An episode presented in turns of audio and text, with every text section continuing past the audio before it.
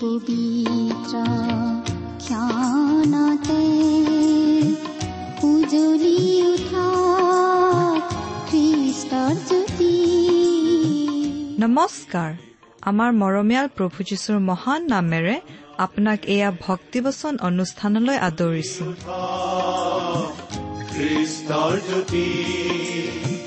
আকাশ বতাহ মুখৰিত কৰি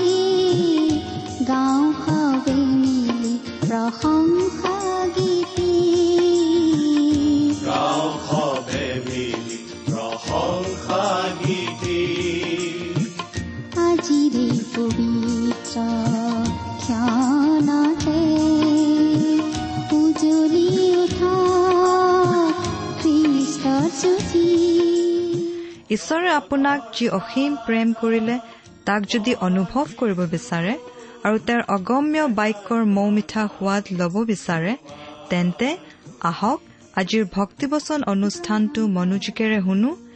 এয়া আপোনালৈ আগবঢ়াইছো। ঈশ্বৰৰ জীৱন্ত বাক্যৰ অনুষ্ঠান ভক্তিবচন।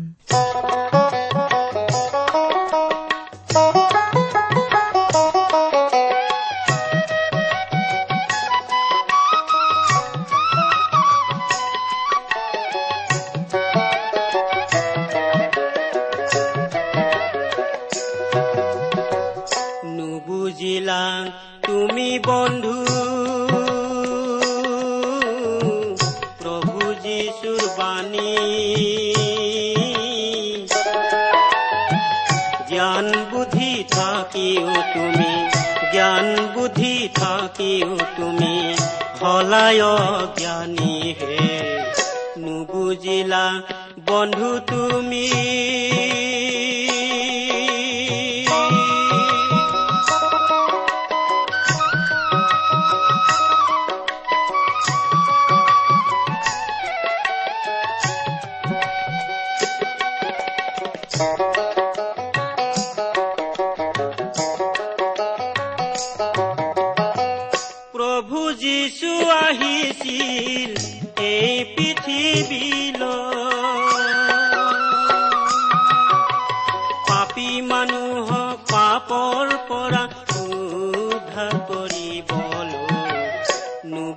নুবুজিলা তুমি বন্ধু। প্ৰভু যীশুৰ বাণী। জ্ঞান বুদ্ধি থাকিও তুমি, জ্ঞান বুদ্ধি থাকিও তুমি হলায় জ্ঞানী নুবুজিলা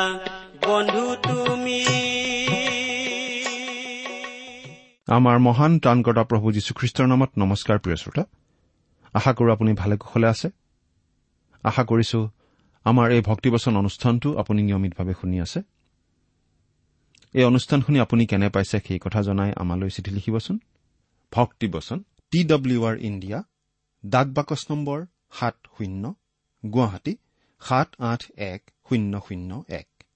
ভক্তিবচন T W R India postbox number seventy Guwahati seven eight one zero' zero' one আমাৰ website W W W dot radio' eight eight two dot com খ্ৰীষ্টীয় বিশ্বাস সম্বন্ধে কিবা জানিবলগীয়া কথা থাকিলেও আমালৈ লিখিব পাৰে প্ৰিয় শ্ৰোতা যদিহে আপুনি আমাৰ এই ভক্তিবচন অনুষ্ঠানটো নিয়মিতভাৱে শুনি আছে তেনেহলে আপুনি নিশ্চয় জানে যে আমি এতিয়া বাইবেলৰ পুৰণি নিয়ম খণ্ডৰ জোনা ভাৱবাদীৰ পুস্তক নামৰ পুস্তকখন অধ্যয়ন কৰিবলৈ হাতত লৈ আছো।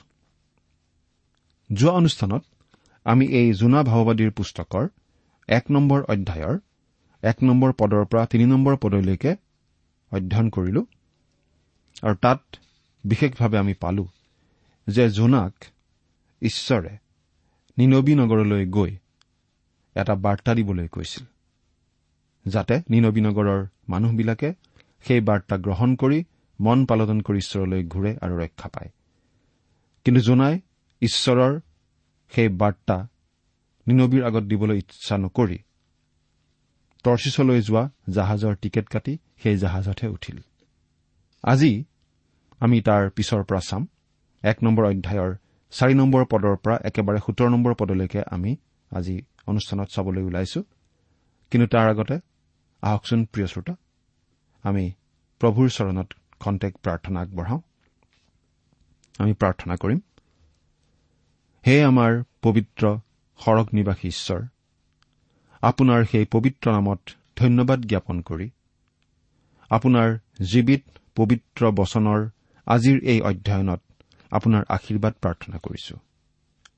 আপোনাৰ এই জীৱনদায়ক বচন প্ৰচাৰৰ দ্বাৰা আপোনাৰ নামৰ গৌৰৱ মহিমা হওক আৰু এই অধ্যয়ন উপভোগ কৰি থকা প্ৰত্যেক শ্ৰোতাৰ জীৱন ধন্য হওক।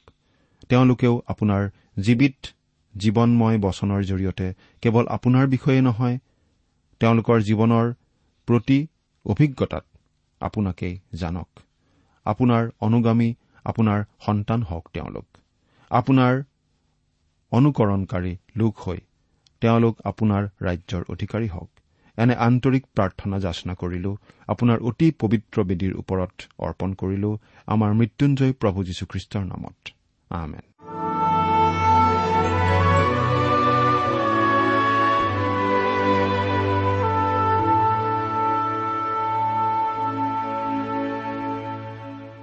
প্ৰিয় শ্ৰোতা আমি ইয়াৰ আগৰ অধ্যয়নতেই এক নম্বৰ অধ্যায়ৰ তিনিটা পদ অধ্যয়ন কৰি আহিলো। অৰ্থাৎ জোনা ভাৱবাদীক ঈশ্বৰে নিনবী মহানগৰখনৰ এক বিশেষ মিছনেৰী হিচাপে আহান জনোৱাৰ কথাটো পালো। আৰু তেওঁক যে আদেশ দিছিল তালৈ গৈ বাক্য ঘোষণা কৰিবলৈ কিন্তু তেওঁ যে বিপৰীত দিশে ঈশ্বৰৰ সন্মুখৰ পৰা পলাই গৈ টৰ্চিছলৈ যাবলৈ জাহাজত উঠিল সেই কথাটো পালো। এই নিনবী মহানগৰখন যে দুষ্টালিতহে মহান আছিল আৰু তেওঁলোকৰ দুষ্টালিৰ কথা ঈশ্বৰৰ ওচৰ পাইছিলহি সেই কথা আমি পালো। আৰু ঈশ্বৰৰ যে এই নগৰখনৰ ওপৰত সুদবিচাৰ নিৰ্ণয় কৰা আছিল সেই কথা আমি পালো। যদিহে এনে মহা দুষ্টালিৰ পৰা ঈশ্বৰলৈ তেওঁলোক ঘূৰি নাহে তেতিয়াহ'লে তেওঁলোকৰ ওপৰলৈ সেই সুদবিচাৰ আহিব। নিনবীৰ মহানগৰবাসীসকলক ঈশ্বৰৰ এই আহিবলগীয়া সুদবিচাৰৰ বিষয়ে সাৱধান কৰি দিবলৈ দায়িত্ব জোনাক দিয়া হৈছিল।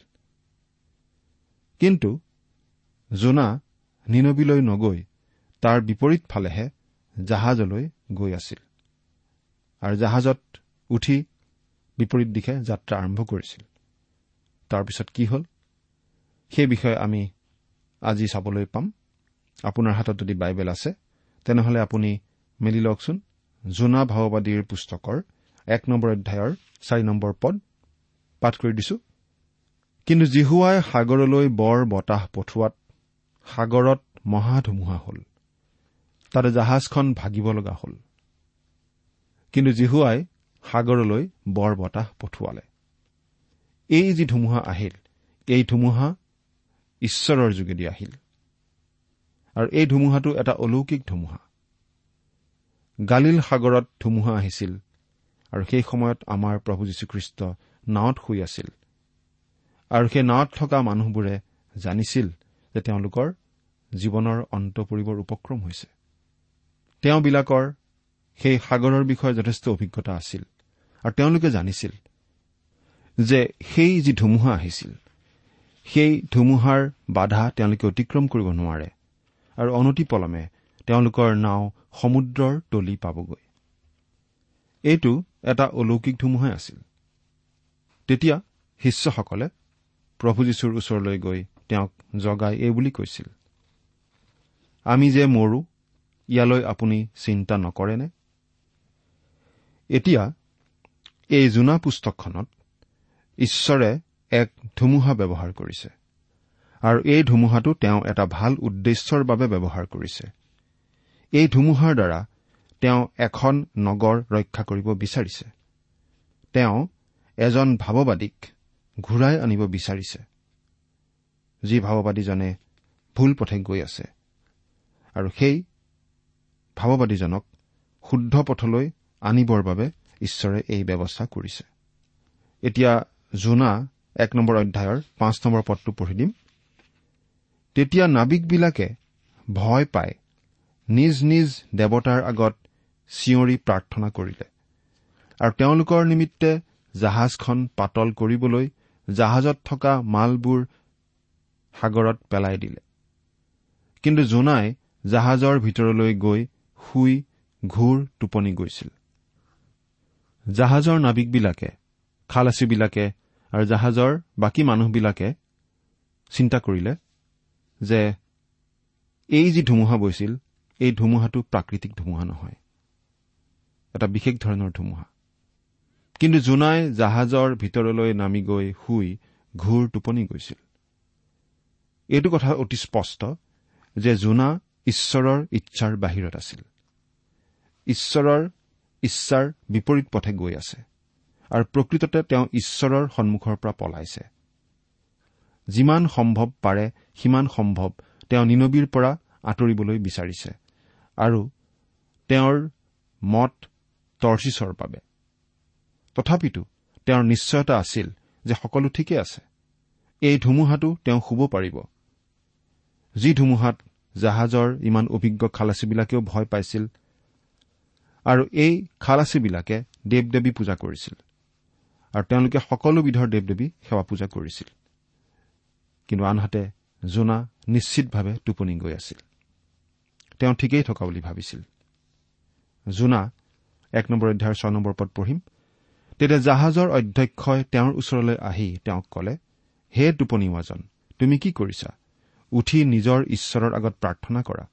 কিজানি সেই ঈশ্বৰে আমাৰ বিষয়ে চিন্তা কৰিব তাতে আমি নষ্ট নহম। তেতিয়া জাহাজৰ অধ্যক্ষজনে জোনাৰ ওচৰলৈ আহি এই বুলি কলে হে মূৰ দুৱাই টোপনিওৱাজন তুমি এনেহেন ধুমুহাত এনেদৰে শুই থাকিব পাৰিবা বুলি ভাবিছানে? জোনাই কিন্তু পাৰিছিল। বাস্তৱিকতে গোটেই জাহাজখনৰ মানুহবোৰৰ ভিতৰত একমাত্ৰ তেওঁৱেই শুই থাকিব পাৰিছিল। আৰু জাহাজৰ অধ্যক্ষই নামি গৈ তেওঁক কলে তুমি উঠি নিজৰ ঈশ্বৰৰ আগত প্ৰাৰ্থনা কৰা। কিজানি সেই ঈশ্বৰে আমাৰ কাৰণে চিন্তা কৰিব তাতে আমি ৰক্ষা পৰিম? তেতিয়া জোনা ওপৰ মহলালৈ উঠি আহিল আৰু তেওঁ সেই মহা ধুমুহা দেখা পালে। জাহাজৰ চাৰিওফালে উঠি অহা সেই যি ধুমুহা ঢৌ আদিয়ে জাহাজখন ধ্বংস কৰিবলৈ ভীষণভাৱে লাগি আছিল। সাত নম্বৰ পদটো পঢ়িম। পাছে তেওঁবিলাকে ইজনে সিজনে কোৱাকৈ কৰিলে বোলে কাৰ দুখত আমালৈ এই অমংগল ঘটিছে? তাক জানিবৰ নিমিত্তে আমি চিঠি খেলাওঁ হওক দিয়া। এই বুলি তেওঁবিলাকে চিঠি খেলালত জোনাৰ নামত গুটি উঠিল। আমি ভাবো যে এই চিঠি খেলটো এটা অভিশাপ। আমি বিশ্বাস কৰো যে আজি বিভিন্নজনে বিভিন্ন লাভৰ কাৰণে এই লটাৰী খেলা চিঠি খেলা জোৱা খেলা আদি চলিবলৈ দিছে। আৰু আমাৰ সমাজখনক আমাৰ জাতিটোক ভ্ৰষ্ট কৰিছে। ইয়াৰ দ্বাৰা আচলতে কাৰো লাভ নহয়। ই এটা মাৰাত্মক সামাজিক ব্যাধিৰ ৰূপ লৈছে। সেই জাহাজত থকা মানুহবোৰ অন্ধবিশ্বাসী আছিল। আৰু তেওঁলোকৰ মাজৰ কাৰ বাবে সেই অমংগল ঘটিছে সেইটো জানিবৰ বাবে তেওঁলোকে সেই চিঠি খেলিলে বা লটাৰী খেলিলে। আৰু সেই চিঠি খেলালত জোনাৰ নাম উঠিল। এইটো নিশ্চয় ঈশ্বৰেই ব্যৱহাৰ কৰিছিল। স্পষ্টৰূপে ঈশ্বৰেই ব্যৱহাৰ কৰাইছিল আৰু কৰিছিল। কিন্তু সেই বুলি এইটো নহয় যে এই কাৰ্যটোত ঈশ্বৰৰ অনুমোদন আছিল। কিন্তু তেওঁলোকৰ অন্ধবিশ্বাসটোক ঈশ্বৰে ব্যৱহাৰ কৰাইছিল। জোনাৰ সৈতে জাহাজত থকা সেই খালাচীবিলাক অন্ধবিশ্বাসৰ লোক আছিল আৰু ঈশ্বৰে সিহঁতৰ অন্ধবিশ্বাসক ব্যৱহাৰ কৰিলে। তাৰপিছত চাওক কি হ'ল। জোনা এক নম্বৰ অধ্যায়ৰ আঠ নম্বৰ পদ। তেতিয়া তেওঁবিলাকে তেওঁক কলে মিনতি কৰো কাৰ দুখত আমালৈ এই অমংগল ঘটিছে তাক আমাক কোৱা। তোমাৰ ব্যৱসায় কি? তুমি ক'ৰ পৰা আহিলা? তুমি কোন দেশৰ? আৰু তুমি কোন জাতীয়? এই খালাচীবিলাকৰ সৈতে কথা পাতিবলৈ জোনাৰ দেখাদেখিকৈ যথেষ্ট সময় আছিল। কিন্তু তেওঁ সিহঁতক নিজৰ বিষয়ে বেছি নকলে। ঈশ্বৰৰ সাক্ষ্য দিবলৈ তেওঁ নিশ্চিত নহয়। ঈশ্বৰৰ ইচ্ছাৰ বাহিৰত থকা লোকসকলে সফলদায়কভাৱে ফলপ্ৰসূভাৱে কেতিয়াও ঈশ্বৰৰ হৈ সাক্ষ্য দিব নোৱাৰে। সেইটোৱে আমাৰ বাবে মনত ৰাখিবলগীয়া অতি দৰকাৰী কথা। এই কথাটো মন কৰক যে জোনাই তেওঁবিলাকক কি কোৱা নাছিল। প্ৰথমে সিহঁতে তেওঁক কৈছে আমি আপোনাক কিছুমান প্ৰশ্ন সোধো। যিহেতু আমালৈ এই অমংগল ঘটিছে সেইবাবে আমি আপোনাক সুধিব বিচাৰিছো। আপোনাৰ ব্যৱসায় কি? জোনাই কিন্তু কাকো কোৱা নাছিল যে তেওঁ এজন ভাৱবাদী। এই ক্ষেত্ৰত তেওঁ নীৰৱ। তাৰ পিছত সুধিছে আপুনি ক'ৰ পৰা আহিল? জোনাই তেওঁবিলাকক কিন্তু কোৱা নাছিল যে তেওঁ ইছৰাইলৰ উত্তৰ ৰাজ্যৰ গেট হেফাৰৰ পৰা আহিছে। তেওঁ নিজৰ দেশখনৰ বা নিজৰ নগৰখনৰ বিষয়ে আচলতে একোৱেই কোৱা নাছিল। তাৰপিছত তেওঁ সোধা হৈছিল আপুনি কোন দেশৰ? জোনাই কোৱা নাছিল যে তেওঁ এজন ইছৰাইলীয়া নাগৰিক। আৰু আপুনি কোন জাতিৰ? জোনাই তেওঁলোকক কোৱা নাছিল যে তেওঁ ইছৰাইলীয়া জাতিৰ লোক যি জাতিৰ এক জীৱিত আৰু সত্য ঈশ্বৰ আছে। যি জাতিয়ে সেই জীৱিত আৰু সত্য ঈশ্বৰক জানে। জোনাই ভাঙি কোৱা নাছিল যে তেওঁ এজন ভাৱবাদী যিজনে জীৱিত ঈশ্বৰক প্ৰতিনিধিত্ব কৰে। যিজনক নিনবিলৈ গৈ আশা আৰু পৰিত্ৰাণৰ বাণী প্ৰচাৰ কৰিবৰ বাবে ঈশ্বৰে আহান জনাইছিল। সেইবোৰৰ বিষয়ে জোনাই একোকেই কোৱা নাছিল কিয়? কাৰণ তেওঁ সম্পূৰ্ণৰূপে ঈশ্বৰৰ ইচ্ছাৰ বাহিৰত আছিল। এতিয়া ন নম্বৰ পদটো পঢ়িম।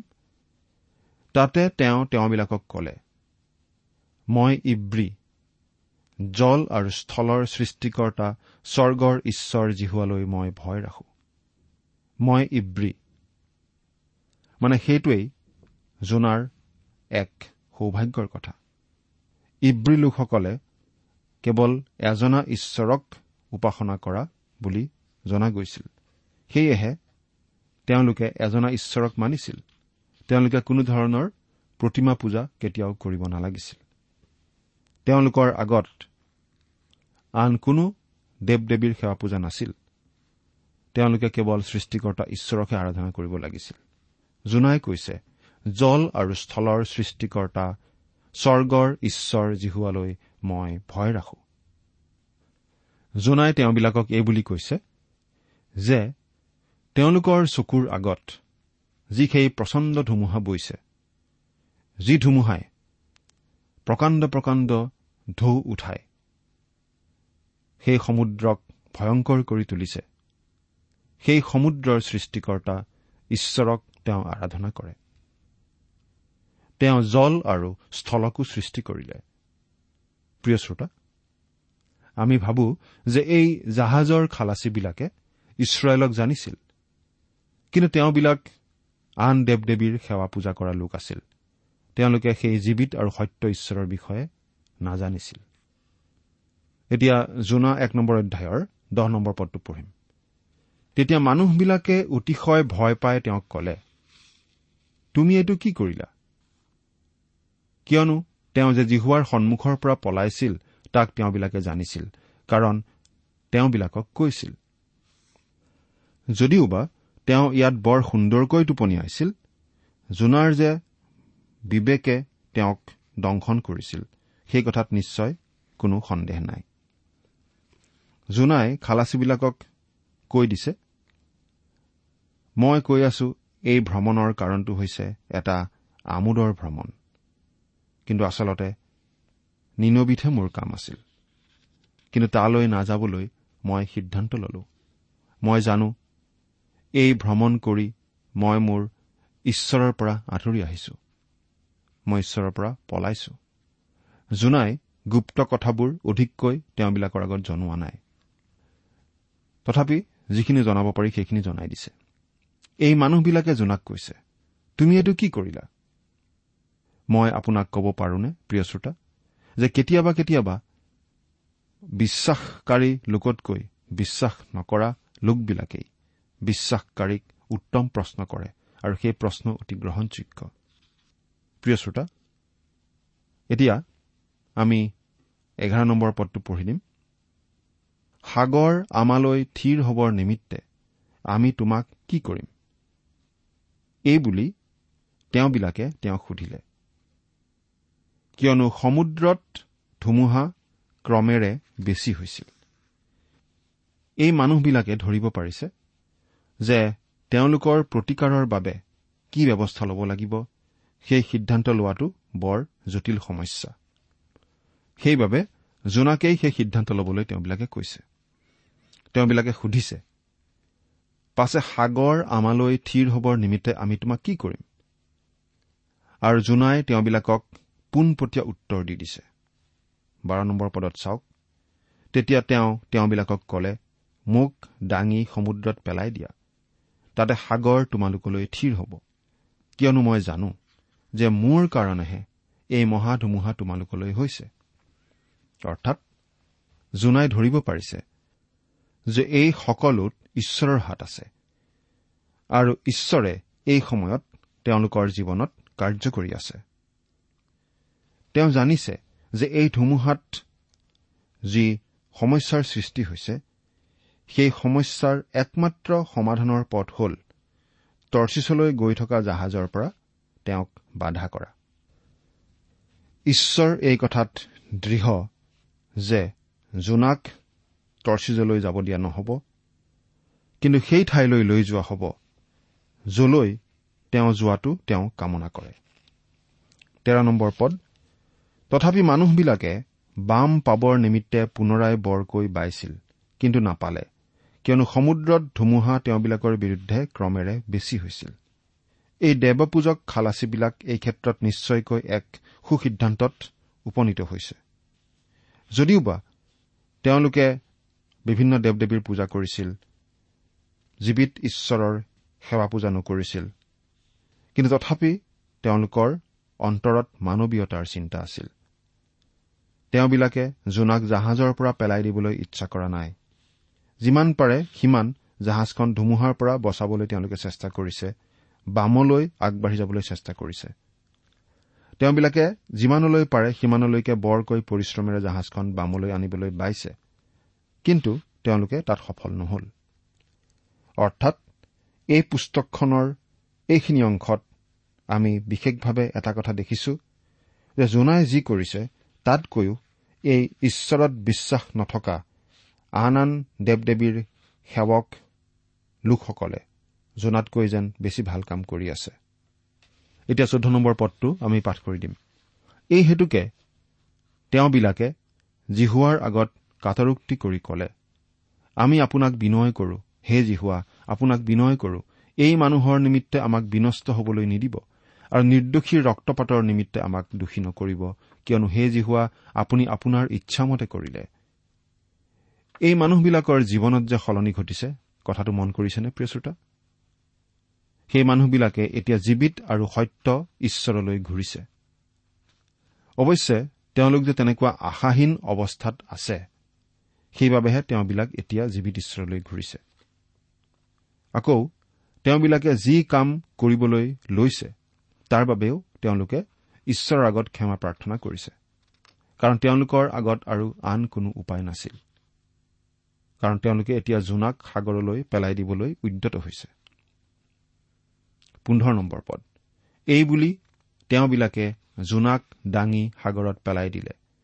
তাতে সমুদ্ৰৰ ভয়ানক মূৰ্তি নাইকিয়া হ'ল। বৰ স্পষ্টকৈ এইটো প্ৰকাশ পাই উঠিল যে এই যি ধুমুহা আছিল এই ধুমুহা অলৌকিক ধুমুহা আছিল আৰু সেই ধুমুহা ঈশ্বৰৰ নিয়ন্ত্ৰণৰ অধীনত আছিল। পদ। তেতিয়া সেই মানুহবিলাকে জিহুৱাক অত্যন্ত ভয় কৰিলে আৰু তেওঁবিলাকে জিহুৱাৰ উদ্দেশ্যে এটা বলি উৎসৰ্গ কৰিলে আৰু কিবা এটা দিবলৈ সংকল্প কৰিলে। জিহুৱালৈ ভয় ৰখাই জ্ঞানৰ আৰম্ভণ বুলি বাইবেলত কোৱা হৈছে। তেতিয়া সেই মানুহবিলাকে জিহুৱাক অত্যন্ত ভয় কৰিলে।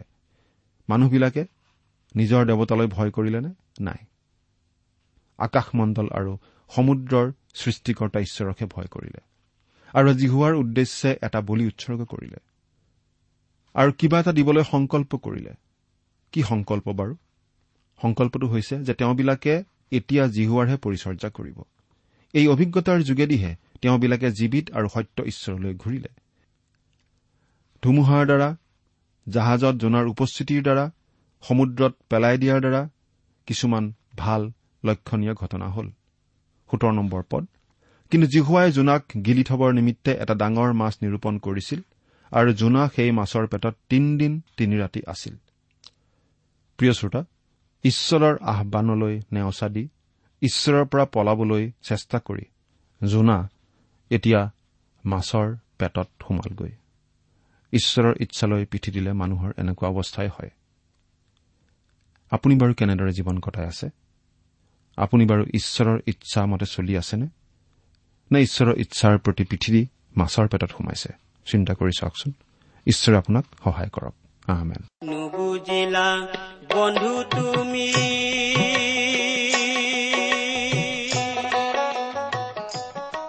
ইমান পৰে আপুনি ভক্তিবচন অনুষ্ঠানটি শুনিলে। এই বিষয়ে আপোনাৰ মতামত জানিবলৈ পালে আমি নথৈ আনন্দিত হ'ম। আমি প্ৰস্তুত কৰা বাইবেল অধ্যয়নৰ আন চিডিসমূহ পাব বিচাৰিলেও আমালৈ লিখক। অনুষ্ঠানটি শুনি কেনে পালে আমালৈ চিঠি লিখি জনাবচোন? অনুষ্ঠানত প্ৰচাৰ কৰা কোনো কথা বুজিব লগা থাকিলেও আমালৈ লিখক। আমাৰ ঠিকনা?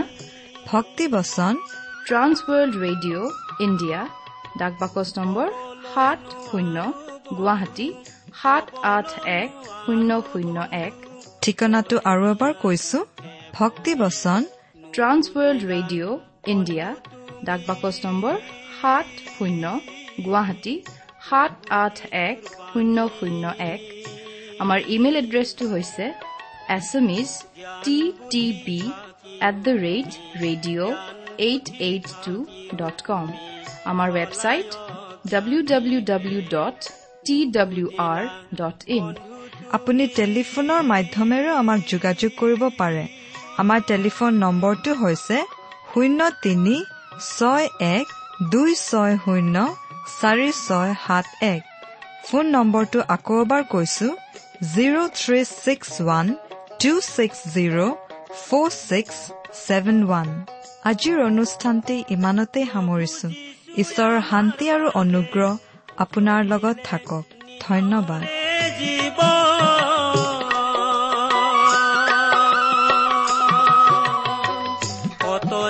যে যাতনা